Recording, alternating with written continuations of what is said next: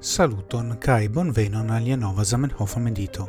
Hodiaŭ mi volas legi kai mediti kun vi sur uh, comenzo de lettero al Theophil Cart, or car per uh, pli francezza prononzo, pardonu la franca lingvanoi kiui auscultas mian fushan prononzo della franza.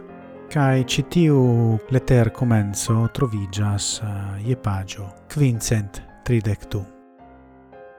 Cara signoro, char, cia respondo de mia flanco al via circulera letero, kiel ein sin garde la respondo estus scribita, el vocus ce la leganto e la supposon che inter mi cae vi existas ia mal contentezzo, tial mi decidis tutte ne respondi. mia comprene la rilato inter Zamenhof cae Teofilcar estis tre bona cae sen problema. Fakte, li estis unu el la unuae lingvistoi, mi diras profesiae lingvistoi, kiui subtenis Esperanton dum uh, la criso de la tiel nomata Ido Schismo. Cai lia nomo, la nomo de Teofilcar, estas ligita alla fraso ni fosu nian sulcon, quiu donis, ni diru, directon alla tiama Esperanto comunumo cae movado.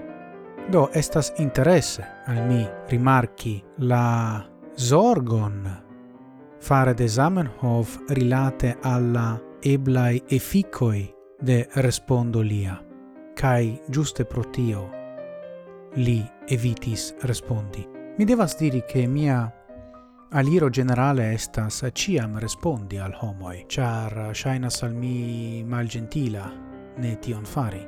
Sed, retrorigarde, quelcfoie estus estintus facte, pli sage tutte ne respondi. Giuste pro la chialoi in Zamenhof clarigas tre in citiu lettero. Do la instigo cum mediti hodiaŭ estas pri la opportuno, kaj ne opportuno respondi kelkfoje en malfacilaj situacioj al komunikoj.